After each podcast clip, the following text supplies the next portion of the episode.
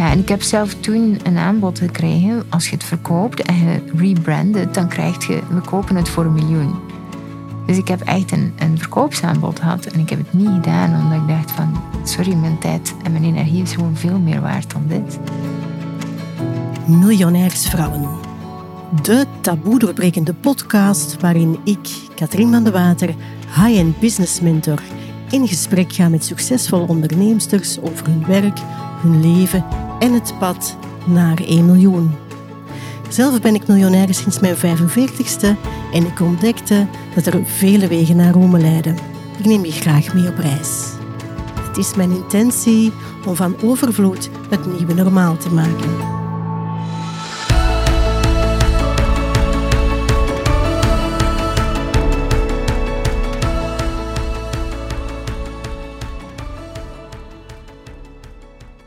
Welkom luisteraar. Ik ben op een regenachtige ochtend naar Gent gereden en ik ben hier te gast in het hele mooie huis van Kim de Graven. Welkom Kim in de podcast Miljonairsvrouwen. Is dit voor jou jouw coming out als miljonairsvrouw? Uh, nee, alhoewel dat ik het denk ik nog niet heel concreet heb gemaakt, ook niet. Is dat voor jou spannend? Nee. Nee. Um, ervaar jij iets van een taboe op als vrouw? Um, ja, uh, claimen is misschien een groot woord, maar uh, zeggen dat je miljonairsvrouw bent? Hmm. Ik weet niet of dat het per se is uh, vrouw. Dat weet ik niet. Dat kan ik niet, want ik ben geen man. dus ik, ik weet niet hoe het is voor mannen natuurlijk. Um, wat ik wel merk is dat er een gigantisch taboe zit op geld. Ja, hè? Um, en zeker, ik praat ook veel over geld. En uh, ja, dat is toch wel uh, ja, soms jammer om te zien. En, uh, en, en ook ja, vooral omdat we saboteren onszelf zoveel. Absoluut. Ja. ja. ja. Ik vind jouw verhaal bijzonder inspirerend. Um, voor de mensen die jou nog niet kennen, zou jij even jouw reis kunnen schetsen? Mm. Je bent op jouw 17 jaar thuis weggegaan. Hoe oud ben je nu, Kim? Bijna 36. Oké, en vertel eens, wat maakte dat je thuis wegging? En, en hoe is jouw pad verder verlopen? Ja, ik, um, ik droomde eigenlijk al heel vroeg van vrijheid. Ik was echt... Uh, ik spiegelde me ook aan Pocahontas. Uh, de Disney-tekenfilm dan. En ik uh, vond het zo geweldig om, om te zien uh, die vrijheid en de natuur en, en weet ik veel wat. En op de een of andere manier voelde ik niet voldoende vrijheid naar wat dat mijn hart wilde mm. bij me thuis. Uh, dus ik besloot om alleen te gaan wonen. En toen was je 17? Ja, ja. Wow. iets voor 18. En um, ja, ik besloot om dat te gaan doen. En uh, ja, was uiteindelijk wel pittig natuurlijk. Uh, was ook heel leuk, hè, even voor de duidelijkheid. Um, Hoe dus, reageerden jouw ouders? Ja, uh, ja. die vonden dat niet zo leuk natuurlijk. Nee. Hmm. Um, Had je steun van hen? Tot op een bepaalde mate wel, maar ja. En dat hoeft. Ik, ik, het is ook niet, het is niet dat dat hoefde. En het is ook het is ook niet per se dat ik dat wilde. Mm um, dus nee, mm hoefde eigenlijk niet per se. En, en mhm. hoeft ook nog steeds niet. Dus zo, ik denk dat we, dat we vaak onszelf afhankelijk maken van externe factoren. En ik ben juist heel blij um, dat ik zo fel gekozen heb voor uh, wie ik ben vandaag, wat ik doe vandaag en eigenlijk toen ook al. Want elke stap heeft eigenlijk bijgedragen tot. En uh, ik zie heel veel mensen um, zeggen van, ha, maar ja, ik hoef mijn droomleven niet op te bouwen, want als mijn ouders sterven, dan krijg ik wel een erfenis. Het klinkt nu heel cru wat ik nu zeg, maar dit is wel iets wat ik echt heel vaak hoor. Mm um, en welk effect heeft dat denk ik op je leven? Dat is, dat, dat, dat is wat er eigenlijk heel vaak gebeurt. We zetten ons leven on hold, want het geld komt toch. Mm. En dat is niet de manier waarop dat ik wil leven. Mm. Dan komen we straks toe, de manier waarop jij wil leven, maar misschien even terug naar jouw 17 en jouw zeer moedige beslissing om te gaan voor vrijheid en alleen te gaan wonen. En toen? Ehm, ja, ik merkte eigenlijk vrij snel al dat, um, dat je heel makkelijk tijd en energie kon ruilen voor geld. Um, dus ik ging overdag naar school, uh, s'nachts of s'avonds ging ik gaan werken, of vaak in het weekend ook, om alles te bekostigen. En het, het coole was, ik vond het ook echt leuk om hard te werken. Ik vond, het gaf me heel veel vrijheid en zelfstandigheid om zelf mijn geld te verdienen.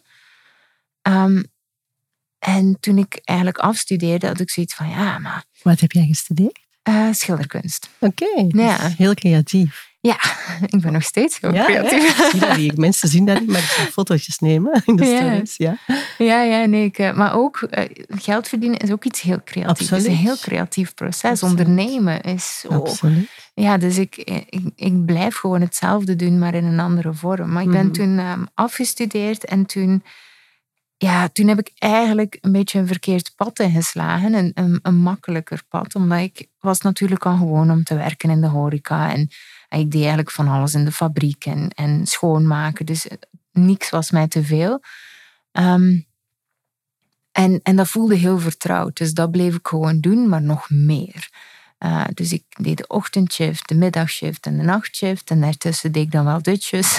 Mm. En dan begon ik eigenlijk heel veel te verdienen of toch mooi uh, uh, te verdienen.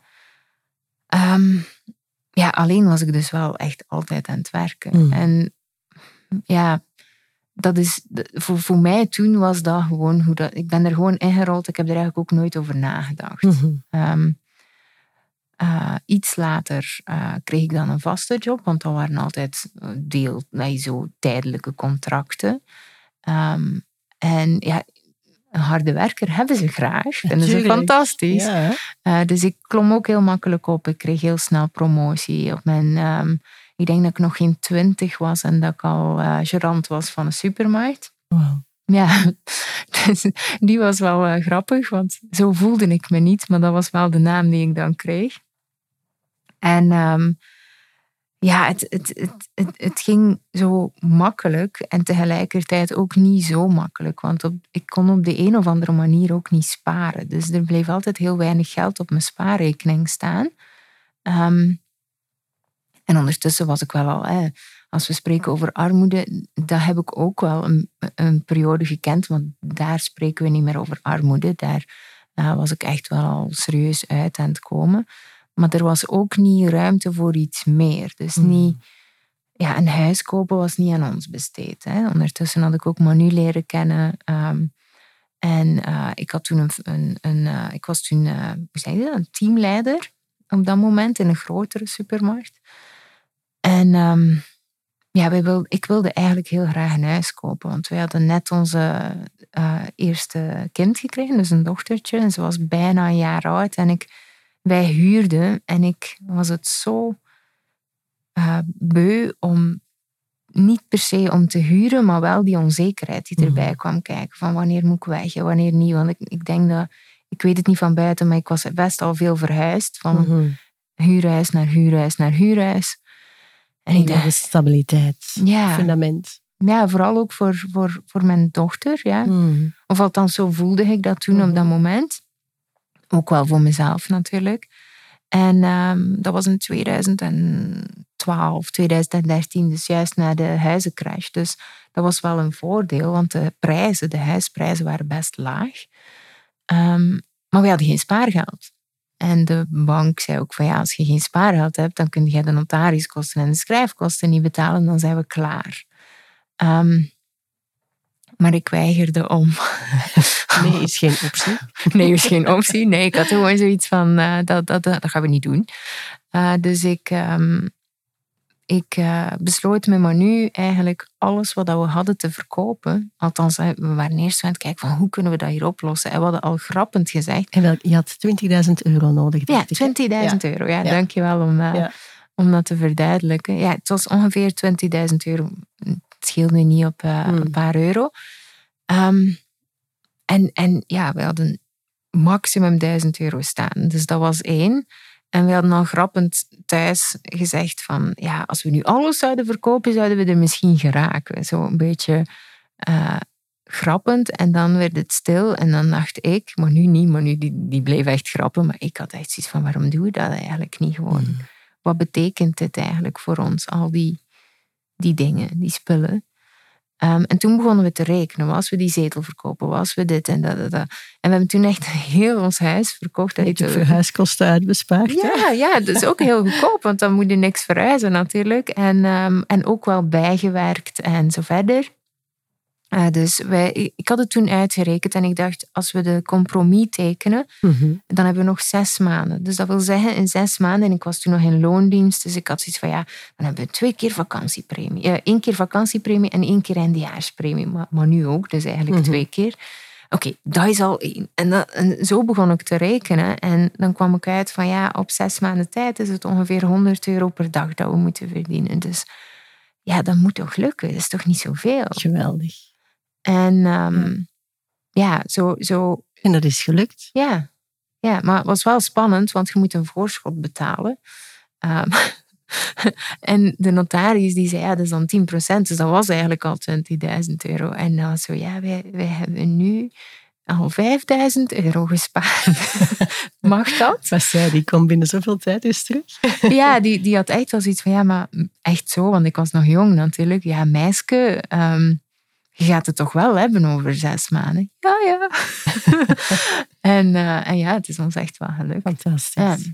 Dus dat was het eerste pand wat jullie kochten? Ja. En hoe lang is dat geleden?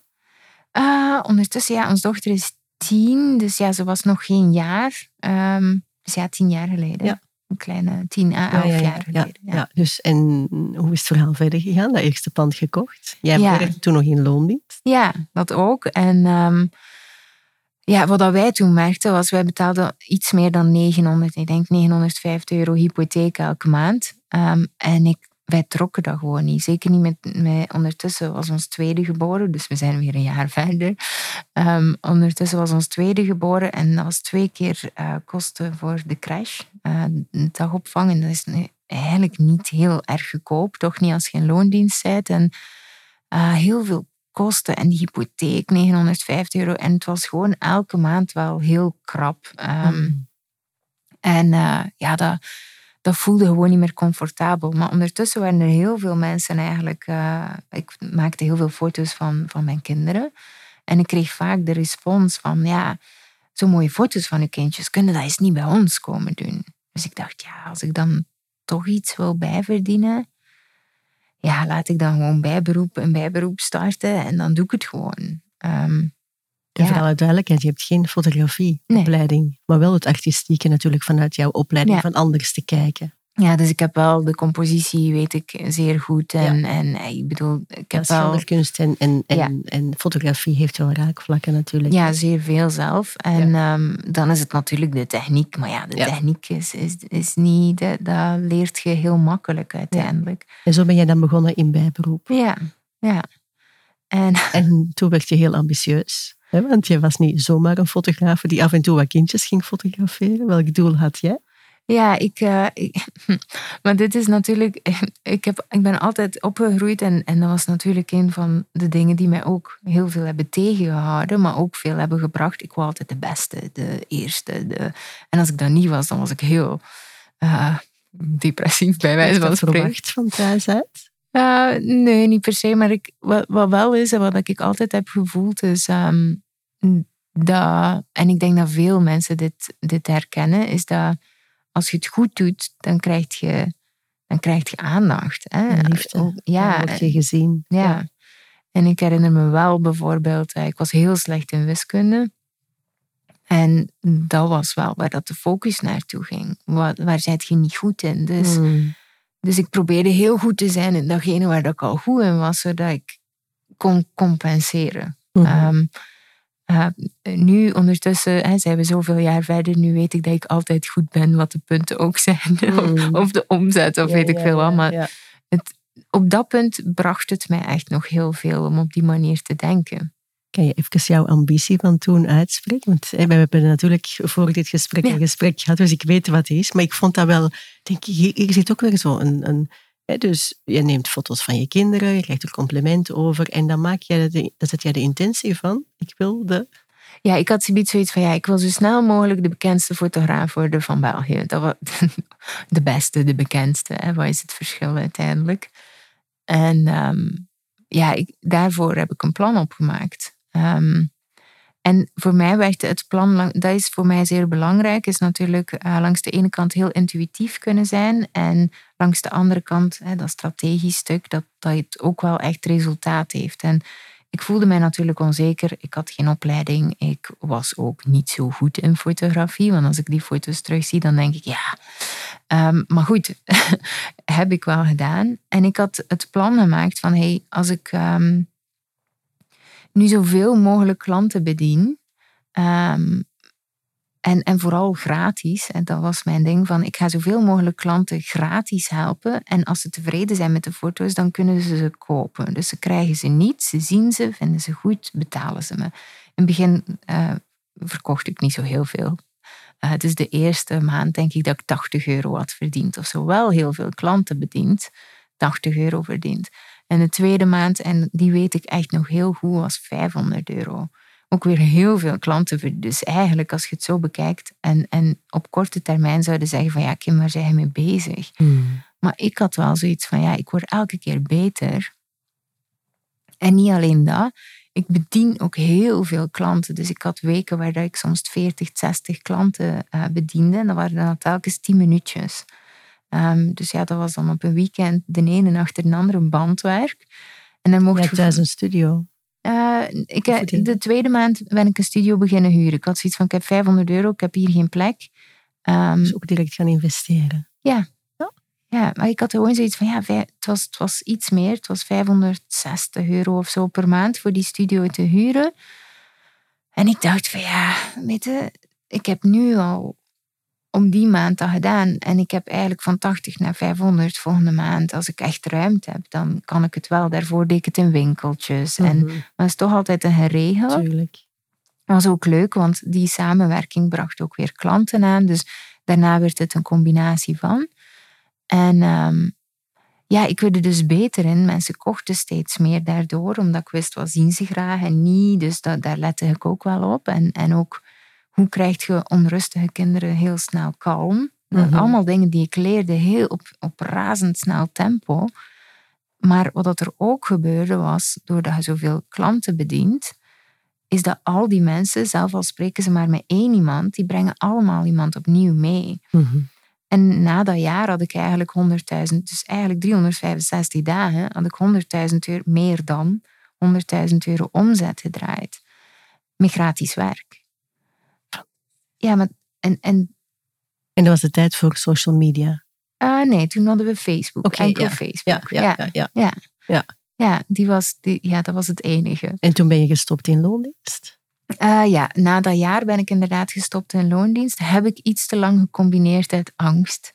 Dat ik, uh, dat, ja, dat het niet, ja, dat, ja, Goed, die kan ik dan niet loslaten. Hmm. Uh, Sliep jij nog, Kim? Ik hoor jou zeggen loondienst. Ik hoor jou zeggen 100, uh, 365 dagen foto's en twee kleine kinderen. Nee, ik sliep niet zoveel. Uh, en, en ik zeg het, hè, wat ik daar gedaan heb, kon echt wel minder. Um, ik liet mijn loondienst niet los. En dat was mijn grote fout. Dus ik ben toen wel in een burn-out gesukkeld. Mm -hmm. um, en dat komt echt omdat ik niet losliet. Mm. En dat is zo jammer ook, want ik kon het perfect doen. Mm. Um, dus de pijn moest groot genoeg worden om het in te zien dat het tijd was om het los te laten. Ja, ja. Ja, en vooral ook, eh, we zitten daar, maar mijn bekendheid was zoveel gegroeid op een jaar tijd. Ik was echt wel al een van de bekendste. Ik had ondertussen ook uh, uh, um, uh, verkozen tot top 100 beste fotograaf van uh, de wereld eigenlijk. Dus ik had ook al uh, die expertstatus en zo verder. Heb je daar dingen voor gedaan, Kim? Ja, ja sowieso. Dan, dan stuurt je foto's in voor een jury. Ja. En ja, dan, dan doe je eigenlijk heel de wereld mee. En dan kiezen zij daaruit ja. ja. wie, wat, hoe en wanneer. Um, en ja, ik, ik kon dus gewoon stoppen, maar dat deed ik niet. En um, wat ik toen heb gedaan is eigenlijk echt kijken van oké, dit, dit werkt niet meer. Um, dat gratis werk had ik al achterwege gelaten. Ondertussen had ik een volle agenda. Mensen betaalden minimum 1000 euro voor mij um, uh, voor een fotosessie ondertussen. En die bleven gewoon binnenkomen. Um, maar ik voelde ook wel van, eh, punt 1, ik heb mijn job ondertussen wel losgelaten, want eh, het was te veel. Um, maar tegelijkertijd zit mijn agenda vol. Ik ben gezinsfotograaf. Ik ben eigenlijk altijd weg op de momenten dat mijn kinderen thuis zijn. Um, en, ik, uh, en ik verloor ook connectie met mijn man, dus we spraken veel minder en zo. En daar had ik wel echt zo'n punt van: oké, we, we moeten dit gaan herbekijken. Mm. Um, want nu ben ik eigenlijk constant aan het werken voor het leven. Ik heb elke keer het excuus dat ik dat dit het laatste, nu nog een beetje en dan ben ik er. Ja, ja, nog even, maar dat stopt gewoon niet. Als, je mm. dat iemand hoort zeggen, dan dat is zo een, een kreet voor hulp ook als je dat mm. hoort. Want dat, dat klopt niet. Het houdt nooit op als je in die rat race zit. En um, dus daar een stap terug. Even kijken van, hé, hey, wat wil ik nu? En hoe zorg ik ervoor dat leven voor mij werkt en niet omgekeerd? En uh, ja, dat, dat kwam in allerlei dingen.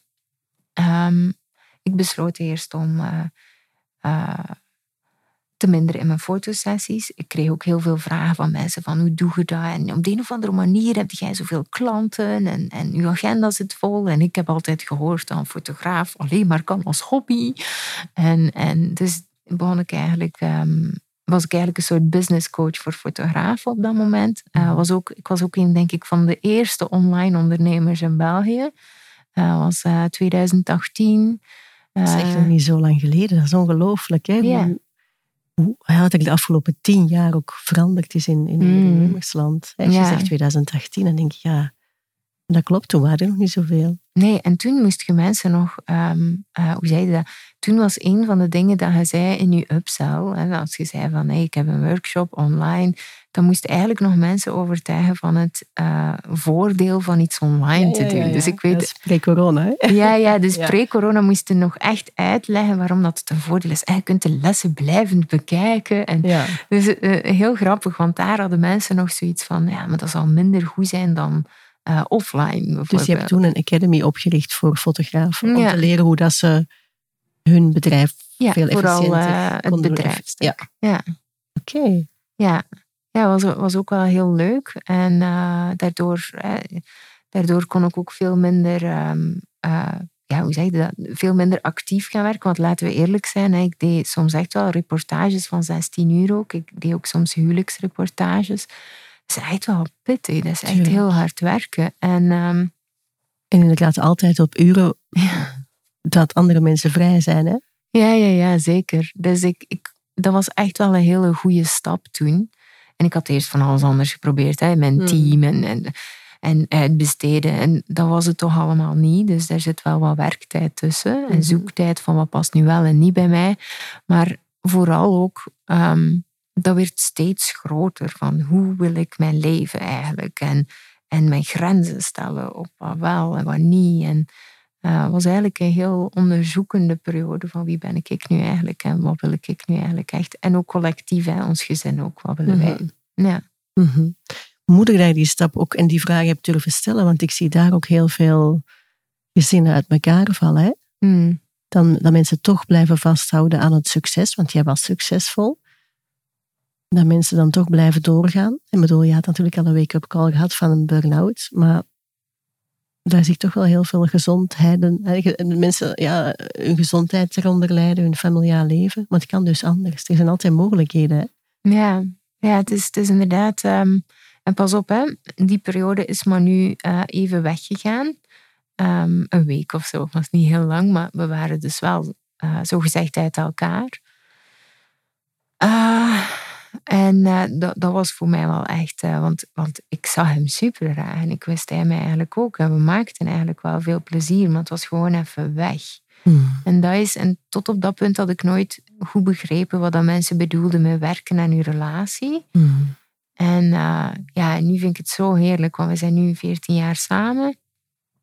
En we werken echt enorm veel aan onze relatie, zo in de zin van, ja, je kunt echt opnieuw verliefd worden op elkaar. Dat is een ding die ik die, vroeger ik dacht, verliefdheid gaat over. En dat is het dan. En Dit is ook een hele mooie boodschap. Hè? Dit vind ik een geweldige boodschap in de podcast Miljonairsvrouw. Van als er ruimte komt, komt er ook ruimte om te werken aan je relatie. Dat je niet mm. alleen maar moet werken voor het geld, maar dat er ruimte komt en tijd komt net voor je gezin en voor je relatie. Ja, zeker. En dat verliefdheid dus niet hoeft over te gaan.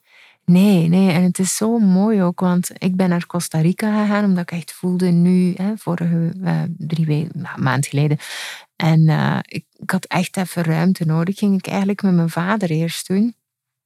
Omdat mijn broer is vorig jaar gestorven. En we hadden zoiets van, oh, nog eens iets met oorspronkelijke gezin samen. Maar ik voelde ook wel van, oh, ik heb even nooit om te zakken in mezelf. Mm uh, dus ik heb toen besloten van die reis op te delen in de helft. De helft voor mijn familie mm uh, en de helft voor mezelf. En dan ben ik eigenlijk op mezelf een workshop daar gaan volgen. En uh, ja, die heeft me zoveel deugd gedaan. En ik kom dan thuis en dan stuur ik me nu gewoon naar Costa Rica. Zeg ik, kom, en nu stuur een tour. En gaat hij? Ja, hij is geweest. Hij is oh, net terug. Ja, hij is, Fantastisch. Ja. Dus dat hij daar ook voor open staat. En ja. jullie samen het pad wandelen. Ja, en elkaar is, inspireren. Zeker. Ja, het, het, is ook gewoon heel mooi dat je, en, en daar heeft geld uiteraard ook iets mee te maken. Je, je leeft steeds, en, en geld op zich niet. Ik denk dat er eerst overvloed komt, overvloed leren denken en dan komt er geld. Zo geloof ik het echt. Dus mindset first. Mm Absoluut. ja. En uiteraard heb je de strategie nodig, daar moeten we niet over discussiëren. Maar als jij de perfecte strategie hebt en jij blijft ehm, bang dat je niet genoeg geld gaat hebben of bang dat mensen niet genoeg gaan instappen, dan is dat wat je uitstraalt. En ze mm. voelen het echt wel. Absoluut. Ja, ja. dat is iets wat Christine Tonné, eh, iemand die binnenkort, of die eerder in de podcast was, ook zei. zij is in uh, overvloed opgegroeid. Mm Ze zijn toch, heb ik schaarste ervaren. dus het is niet omdat er heel veel geld is, dat, dat, dat, dat, dat bewustzijn van overvloed automatisch volgt. Hè? Ja, nee. Nee, zeker niet. Nee, want ja, hoe meer je hebt, hoe meer dat je kunt verliezen. Dus Absoluut. als dat je denkwijze is, dan, ja, dan mhm. houdt het ook gewoon op. Ja. Nog even terug, Kim, naar jouw tijd als business mm. mentor voor fotografen, want daar waren we geëindigd. Jij bent vandaag de dag geen business mentor meer voor fotografen. Nee. Wat is er nadien veranderd? Of welke stap heb jij toen gezet? Ja, die, die was moeilijk. Daar, uh, want die, eigenlijk was ik dat heel snel beu, dat stuk. Um, en ik, um, ik was zelf heel veel aan het spelen op dat moment met geld. En ik was toen ook steeds meer gaan. Um, en nu moet ik even opletten, want mensen denken soms dat investering, eh, investeren de oplossing is, maar dat is het niet. Ik was gewoon aan het spelen met geld. Investeren was daar ook een onderdeel van. Maar investeren doe ik echt wel voor later. Dus dat heeft niks te maken met mijn succes vandaag. Mijn succes vandaag is te danken aan mijn business. Um, en toen was ik echt op alle manieren eigenlijk aan het optimaliseren, maar ook met tijd en energie. Waar word ik blij van? Uh, hoe kan ik eigenlijk in overvloed van tijd en energie leven en ook op basis van geld? Um, alleen vond ik de vorm niet goed, want de, de business coach voor fotografen en fantastisch voor de mensen die daar blij van worden, maar ik, het voelde te klein en ik, mm ik, ik, voelde me niet op mijn plek. Um, dus in um, Ah, ik denk eind 2020 heb ik de stekker uitgetrokken uit dat bedrijf. En dat werkte eigenlijk volledig passief. Dus ehm, dat was enkel op advertenties. Uh, ik moest ook niks meer doen. Die cursussen stonden klaar. En die verkochten gewoon via de advertenties. Dus die brachten, oh, um, ik denk, een 20.000 à 30.000 euro passief binnen. Per maand? Per maand. Uh, en de kosten waren eigenlijk vrij laag. Dus uh, ik denk dat we iets van een 10.000 euro kosten hadden. Dus er was heel veel winst dat daaruit voortvloeide. Um, maar ik voelde hem niet meer. Ik had, ik, ik, ja, ja, dat is blijkbaar ook niet meer nodig, hè, als dat allemaal zo nee, geautomatiseerd het voelde ook niet vervuld. En het topic sprak me ook niet meer aan. En ik had het wel allemaal gezien, maar wat dan wel? En dat bedrijf bestaat nog steeds? Nee, nee. ik heb echt de stekker eruit getrokken. Dat is ook zeer moedig, hè? Om iets te durven loslaten wat dan toch 10, 20.000 euro per maand oplevert. Ja, het, het, ehm, ehm, ik wist het al langer, hè, maar tegen dat die stekker er dan... Maar toen had ik echt iets van, het moet eruit. En mensen begrijpen dit vaak niet, omdat ze zeggen van, ja, maar je moet er toch niks voor doen. Nee, maar energetisch blijft je wel de fotograaf. En blijft je wel elke keer in dat vakje. En het was dat vakje dat mijn energie wegnam. Dus ik moest afscheid nemen van het vakje.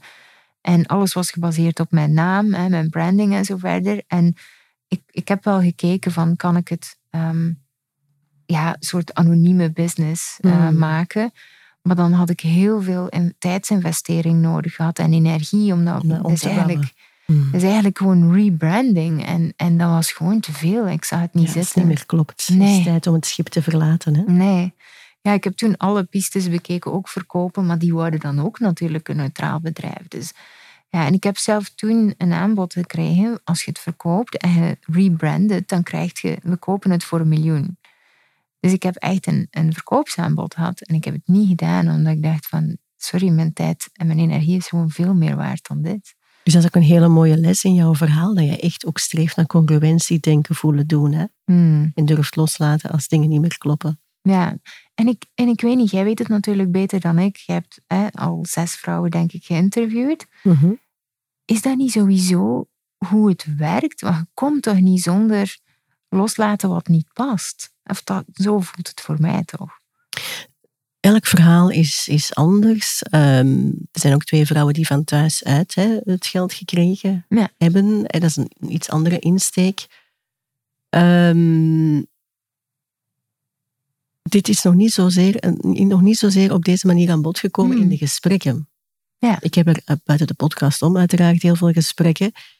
En ik zie wel dat mensen het miljoen kunnen bereiken, ook als er geen congruentie is tussen denken, voelen, doen, maar dat ze dan ongelukkig aan dat miljoen, ik bedoel de eindstreep, dat is geen eindstreep, maar dat ze dan zeggen van, goh, ik had gedacht of gehoopt dat dit mij nu zou vervullen. En eigenlijk ben ik nu in depressie, want dit, dit ik heb altijd gedacht dat het dan ging komen en dan komt het niet. Ja. Dus volgens mij kan je op wilskracht er wel geraken. Maar de vraag is, welke prijs betaal je dan voor het miljoen? Ja. En kan je dan het miljoen duurzaam houden? Of speel je het dan kwijt omdat er ergens... In, ik zeg altijd, als je zelf niet ingrijpt, grijpt het leven in. Hè, dat er dan toch iets gebeurt. Dus ik vind dat een zeer boeiend thema. Mm. Ja. ja, zeker. Maar je hebt dus gekozen toen om het niet te verkopen, de stekker er gewoon uitgetrokken. Ja. En wat ben je dan gaan doen? Um, toen was het moeilijk. Um, ik, ik voelde wel wat ik wou en ik was aan het bouwen naar een programma, maar ik kwam er gewoon niet uit. Ik, wou zo, ik voelde hoe gelukkig dat ik was, hoe vrij dat ik was, hoe, hoe makkelijk dat alles ging. Um, en dat wilde ik wel leren aan mensen, van hoe doe je dat? En op dat moment waren jouw bronnen van inkomsten ja, die liepen nog wel even door. Dus ik had ongeveer zes maanden speling voordat alles opdroogde. Um, en ik had wel zoiets van, hé, hey, ik geef mezelf zes maanden. Het klinkt heel stom als ik het zo zeg, maar... Um, en toen ben ik beginnen bouwen aan een programma, maar ik kwam er zelf niet uit. Dus ik um, heb toen een leerexpert gesproken, Petra. Ik, ben nog altijd, ik werk nog altijd heel veel meer samen bij Gekpaar. En, uh, en zij kon heel makkelijk in mijn brein, ja, maar dat doe jij. Want ik zag het niet, ik zat het te dicht op. En zij kon alles heel mooi eruit halen. En zij heeft mij eigenlijk geholpen. Uiteindelijk heeft het best wel even geduurd, want mijn programma stond klaar. In 2021 eh, in september. Dus we hebben er echt lang aan gewerkt. Uh, maar dan stond het klaar op de manier dat ik het graag wou. En dan was Freedom Unlocked. En dan uh, leerde ik dus eigenlijk mensen hoe dat je financieel vrij kunt zijn. Want ik zeg de stekker eruit, maar ehm, wij hoefden toen al niet meer te werken voor geld. We hadden eigenlijk al het geld dat ik verdiende investeren en dan een woning. Dus we hadden eigenlijk al het leven voor ons laten werken.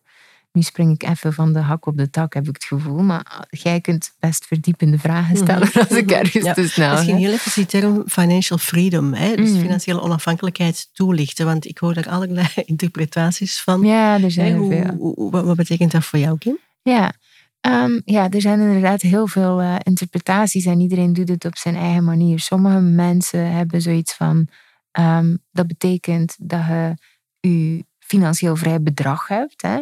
um, ik zeg maar iets, 3 miljoen, hè, want dan moet je de rest van je leven niet meer werken. Uh, ik zie het anders, omdat ik geloof dat alle onhaalbare dingen um, zijn op te splitsen in haalbare stukken. Dus als jij een woning hebt en die brengt maandelijks eigenlijk genoeg passief inkomen binnen, zodat je niet meer hoeft te werken, ja, dan zijt je in principe financieel vrij, want je hoeft niet te werken. Misschien even voor de luisteraar, hè? want mensen denken, ja, hoe kan nu mijn, mijn woning geld opleveren? Mm. Licht eens even toe hoe dat jij dat doet, want voor de meeste mensen is dat al iets van, hé, hoe kan dat? Ja, ehm, ja, maar ja, wacht, als we je kunt bijvoorbeeld een onderdeel van een stuk verhuren uit je woning. En dan inderdaad, uh, die betaalt dan je hypotheek bijvoorbeeld af met Airbnb of weet ik veel wat, hebt nog wel dingen. Um, wij zijn zo begonnen met onze woning als we vakantie waren uh, te verhuren. Um, voor onze kat. dat, was, dat was oorspronkelijk het idee, dan kon er iemand zorgen voor de kat. Uh, maar financieel was dat eigenlijk ook een heel groot voordeel. Um, dus wij zijn eigenlijk uh, ook onze woningen beginnen opbouwen. Nu zitten we in ons derde pand. Dus we hebben ondertussen twee huizen gekocht. Die zijn wel elk weer verkocht. En we hebben ons derde woning zelf gebouwd. En die bestaan eigenlijk uit drie compartimenten met heel veel privacy. En die worden dus. Dus echt uh, zo gebouwd om te kunnen verhuren. Ja. Ja, dus nu. En heel snel, hè? op tien jaar tijd, drie woningen. Ja, dus dit is onze derde. En ik zou wel nog een woning willen kopen, maar ik vind het nu gewoon niet interessant om woningen te kopen. Dus mhm. voor nu is het, is het goed zoals dit. En dan investeer ik nu wel in andere dingen. Ehm, maar ja, zo, zo, zo blijf ik gewoon spelen op alle vlakken. En, heel mooi ook dat je dit spelen noemt, hè? zo voelt het mhm. ook. Ja, het, is voelt echt heel licht en speels. En dus om terug te komen op jouw definitie van financial freedom, ik wil jou zeggen van, dat, er, dat je niet moet werken om je om je levensstijl te bekostigen. Dat er bronnen van inkomsten zijn door verhuur van woning, door investeringen, door hè, van allerlei alle andere dingen die, die zorgen dat er geld binnenkomt zonder dat je effectief moet werken en dat dat de vrijheid geeft. Ja, zeker. En het ding is dat we het gewoon vaak te, te groot maken. Bijna iedereen die ik voor mijn neus krijg, eigenlijk zijn we allemaal wel al rijk. Ik weet dat we, het noemt de miljonairspodcast, maar mensen zien dat dan als rijk. Maar we verdienen echt niet slecht in België en Nederland. En als je gewoon leert spelen met wat je hebt en uh, veel meer gaat kijken in eerste instantie van hey, wat wil ik nu echt? En daar rond gaat bouwen, want dat hmm. doe ik. Ja, dan, dan gaat het kloppen. En hmm. je hoeft niet per se een huis te hebben als je geen huis wilt hebben. Je hebt alle er, er is nooit tekort aan middelen, enkel aan creativiteit. En, hmm. en dat is zo zo fantastisch. Want inderdaad, ik zie zoveel mensen sparen voor een bepaald bedrag en dat werkt gewoon zo niet. Er mm. komt altijd iets tussen waardoor dat je er niet komt. Het mm. werkt zo niet. Mm. En ik vind dat dit een vak, ik vind dat je Freedom Unlocked op school moet gegeven worden. Ja, ja. Echt hè? Ja, dan zouden we misschien, en dat is het grappig ook weer, hè, economisch gezien zitten wij in zo'n industrie. We worden klaargestoomd als werknemers. Ja, ja, ja. Um, ja, en ja, het, het, het, het, brengt natuurlijk die vrijheid, brengt natuurlijk hè, een bepaalde gevaar voor de economie. Dat is natuurlijk veel. Dus het is wel handig dat mensen niet te veel weten over mm. geld en hoe dat dingen echt mm. werken. Natuurlijk, ja. Ik bedoel, ja, want dit is iets helemaal anders. Maar naar, als je kijkt naar hoe dat robotica en, en AI eigenlijk steeds meer ontwikkelt, mm als ze niet iets gaan veranderen in de toekomst en mensen veel beter gaan leren hierover, dan komt er een hele groep uh, serieus in de problemen. Absoluut. Dat is althans wat ik geloof. Zeker. Even terugkomen op jouw verhaal, Kim. Um, hè, dus jij bent financieel vrij. Mm. En toch werk jij nog. Ja. ja. en niet zomaar een beetje. Je hebt gisteren uh, deze uitzending wordt opgenomen in maart. Je hebt net de deuren van Freedom Unlocked, die zijn vandaag dicht gegaan, denk ik. Ja, om middernacht. Om middernacht, hè. Ik bedoel, uh, social media, uh, je kan er niet omheen kijken. Ik, bedoel, ik kwam heel veel uh, hele leuke posts tegen van jou. Um, je hebt mij ook jouw omzetcijfers gedeeld van de afgelopen twee maanden. Ja. even delen hier? Ik, ik weet het niet meer van buiten. Hoeveel was het? Ja, ik, ik, ik zit nu tussen de 300 en 400k, maar ik ben het bedrag ertussen. Mag niet uit, tussen de 300 en de 400k, we zijn uh, ergens uh, 9 maart of zo. Ja, ja zot hè. Terwijl dat je ook niet hoeft te werken. Hè? Dus, en je bent naar Costa Rica geweest. Drie weken. Van de... Kijk, en dit, dit lieve luisteraar. Ik kom heel veel tegen. Hè. Ik, ik ken zeer veel mensen, um, echt of online. Er wordt ik heb dit nog niet vaak gehoord. Hè. Deze getallen. Um, zijn uitzonderlijk. De, de hoogte van de getallen zijn uitzonderlijk, maar ook in de manier waarop jij het doet. Want um, ik ben drie weken naar Costa Rica geweest. Ik heb uh, tijd voor mezelf genomen. Dus dat je zonder heel hard te werken hele hoge bedragen kan verdienen op een heel speelse manier. Ja, en het voelt ook echt als spelen. Ik ben, en pas op, ik heb lancering gedaan vroeger waar ik kapot was. Wat, wat is het verschil voor jou tussen toen en nu? Ja, um, ik werkte toen veel te hard. En pas mhm. op, ik verval soms nog wel eens in het patroon hoor. Dus, dus het is niet altijd balans. uh, maar goed, um, ik merk het wel heel snel op. Van hé, hey, ik doe het weer. Mhm. En ik ben wel gek op de term van uh, work really hard, but learn to rest. Mhm. En ik heb echt periodes waar ik inderdaad echt, echt hard werk, maar dat is dan heel korte periodes. Dus dat is dan een dag of twee waar ik echt keihard mm. uh, ervoor ga. Ja, en dan, en dan ben ik gewoon een week uh, aan het creëren en aan het plezier maken met mijn kinderen. En ik heb zoveel tijd voor mijn kinderen en voor mijn man. En vanavond gaan de kinderen uh, slapen bij vriendjes en wij gaan lekker gaan eten. En ik ga, mm. ik ga eigenlijk drie keer gaan eten deze week. Mm. maar goed, um, dat kan allemaal. En uh, en hoe meer dat ik dat doe en hoe meer dat ik rust en ook hè, hard werk op de juiste momenten, hoe makkelijker het gaat. Het is heel, mm. en ja, het is heel moeilijk om te. Ik zou mezelf niet geloofd hebben mm. als ik daar zat, want ik dacht van ja, ik ben zo hard aan het werken en bij Mies Madame gaat het allemaal vanzelf. Die snap ik. Maar zolang dat je niet leert rusten, dan gaat het ook nooit omdraaien. Is die periode van hard werken volgens jou het fundament geweest en nodig geweest om hier te komen? Ja.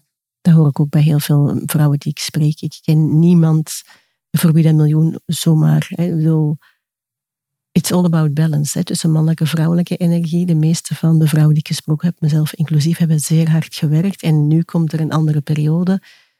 Maar je moet je kilometers ook wel gedaan hebben. Hè? Je moet je vak kennen, je leert heel veel. Um, ben jij hoogbegaafd, Kim? Nee. Nee? Jij hebt me die vraag al eens gesteld. Ik heb die vraag al eens gesteld, maar nee, nee, nee, nee, ik heb elke keer, elke keer, uh, elke keer ik jou hoor spreken en zie wat jij doet, denk ik, volgens mij is Kim knetterhoogbegaafd. maar ik denk, wat ik wel geloof, en ik, ik weet niet of daar testen voor bestaan, ben daar niet voor getest. Wat ik wel geloof is dat ik uh, emotioneel zeer intelligent ben, dat wel. Ik voel heel goed aan uh, wat dat mensen nodig hebben. Um, en welke vragen dat ik mag stellen om hen te brengen waar dat ze uh, willen zijn. Ook al weten ze het zelf nog niet, zonder sturend te zijn. Dat is wel belangrijk natuurlijk. Mm -hmm. en, maar dat kan ik wel heel goed. Mm -hmm. Maar je denkt toch heel snel? Ja, dat weet ik niet. Denk ik heel snel? Ja, ik weet niet. Ik ben wel heel strategisch. Ja, ja, ja, Maakt op zich niet uit hoor, dat etiketje hoogbegaafd of niet. Maar het, het, um, ik heb er een beetje een sensor voor. Dus. ik was als kind echt het, het ik was als kind echt altijd het kind dat heel lage punten had. Ik had echt moeite en zelf had ik heel hard mijn best. Ik had echt moeite om die zeven of die acht te halen. Dus ik denk niet dat hoogbegaafdheid een van mijn talenten was. Maar ik was wel heel goed in oplossingen bedenken. Kijk. Maar er zijn heel veel, dat is nu een ander thema, maar er zijn heel veel hoogbegaafde mensen die geen diploma hebben, hè, die mm. dus uh, in het beroepsonderwijs terechtkomen. Dus de punten op school zijn geen indicatie. Ja, Oké, maar dat weet maakt ik niet uit. Nu, nu, nu weet ik het helemaal niet meer. Maar goed. Ik wil jou niet in verwarring brengen, maar het is wel iets wat altijd in mij opkomt als ik met jou spreek. Ja. Um, maar ja, liever dat dan dat, dan dat ze denken, met wie zit ik hier? Uh, dus. Zeker. Onlangs had jij een post op social media dat jij zei van als ik vertel hoeveel omzet ik realiseer, dat jij stevast de vraag krijgt, ja, en hoeveel winst Mm. Houd je daarvan over? Ja. En dat dat jou lichtelijk irriteerde. Maar omdat het niet, niet correct is. En uh, op, zelf op LinkedIn was er heel veel discussie en mensen die dan op en dan denk ik van ja, maar wat zijt je nu eigenlijk aan het doen? Go do something nice, ga eens plezier maken. Um, uh, maar goed, het, het klopt niet. Want um, kijk, mijn eerste maand in januari nu, en was heel spannend. Uh, ik had nog nooit zoveel kosten gemaakt. Dus nu in januari had ik echt zoiets van dit jaar. Um, en kosten, waar investeer of welke? Investeringskosten in mijn bedrijf. Dus het was eigenlijk allemaal mijn bedrijf en ook een stuk in het huis wel. En bedoel je ook dan je team uitbouwen? Uh, team uitbouwen. Ik heb besloten om één teamlid te laten vallen, omdat ze eigenlijk niet genoeg meedenkt. En ik had, maar ja, degene die ik in de plaats wil is wel uh, zes keer zo duur. Maar ik had zoiets van, ja, maar mijn bedrijf is zes keer zoveel waard. En mijn klanten ook. Uh, want dat is het, hè. Dat, dat komt altijd terug in klantvriendelijkheid. Of, hey, mm Ze schreef soms de namen verkeerd. Hey, dat is allemaal niet zo erg, maar ook niet zo klantvriendelijk. Mhm. En goed, hè, die beslissing, dan een investering in het huis. Dus we zijn eigenlijk de tweede, tweede compartiment nog aan het afwerken. en dan ook uh, in advertentiekosten en mijn bedrijf zelf. En ik had zoiets van, ja, het is heel spannend, want ik had het eigenlijk nog niet verdiend die maand, maar ik heb 150.000 euro geïnvesteerd uh, in één maand. En uh, ik heb die maand 110 omzet gedraaid. Dus 40.000 euro meer uitgegeven dan dat ik hmm. eigenlijk verdiend had. En maar nu, die zag mijn cijfers en die, maar nu is mijn man. En die zag mijn cijfers en die zei, ja, maar wat zijn jij aan het doen? En ik zei, ja, ik ben aan het groeien.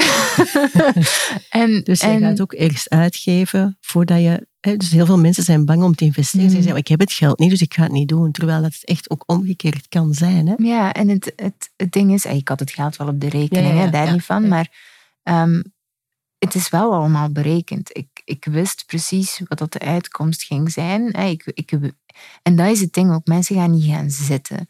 Um, als je niet weet wat dat je conversiepercentage... En dat is dan een stukje strategie. Als je niet weet, als je een challenge bijvoorbeeld geeft... en er komen 250 mensen op en je weet niet hoeveel conversie dat je daarop hebt... Ja, hoe gaat je het dan de volgende keer beter doen? En, je weet niet wie dat erin zat of waarom. Of, dan, dan, ik bedoel, dan zijn je gewoon aan het vogelpieken. Dus die dingen heb ik helder. Mhm. En op basis van de cijfers, en als ik wist van, hé, hey, als ik zoveel meer investeer, ja, ik bedoel, als je weet waar je mee bezig bent, dan is, ja, 1 maal 2, 2. En, en ik bedoel, uh, en, en zo simpel is het. Dus ik had dat wel voor ogen. En inderdaad, ik heb het meer dan terugverdiend en we zijn ook nog niet klaar. Um, ja, dus, dus het, het, het draait gewoon op die manier. Hmm. En, ehm, dus vandaar jouw, jouw post onlangs dat je zei van ja, je moet niet te veel op winst focussen omdat je dat op langere termijn moet zien, bedoel je hmm. dan? Ja, maar, maar zelf niet, want uiteindelijk de maand erna had ik het al allemaal terugverdiend. Dus, dus het is ook zo bullshit. Um, maar het is ook um, omdat bijvoorbeeld het grootste deel dat ik heb geïnvesteerd van die 150k is eigenlijk in oh, dit klinkt, in een zwembad um, in de tuin en, de, mm. en de poolhouse. Maar dat wordt dus eigenlijk een Airbnb.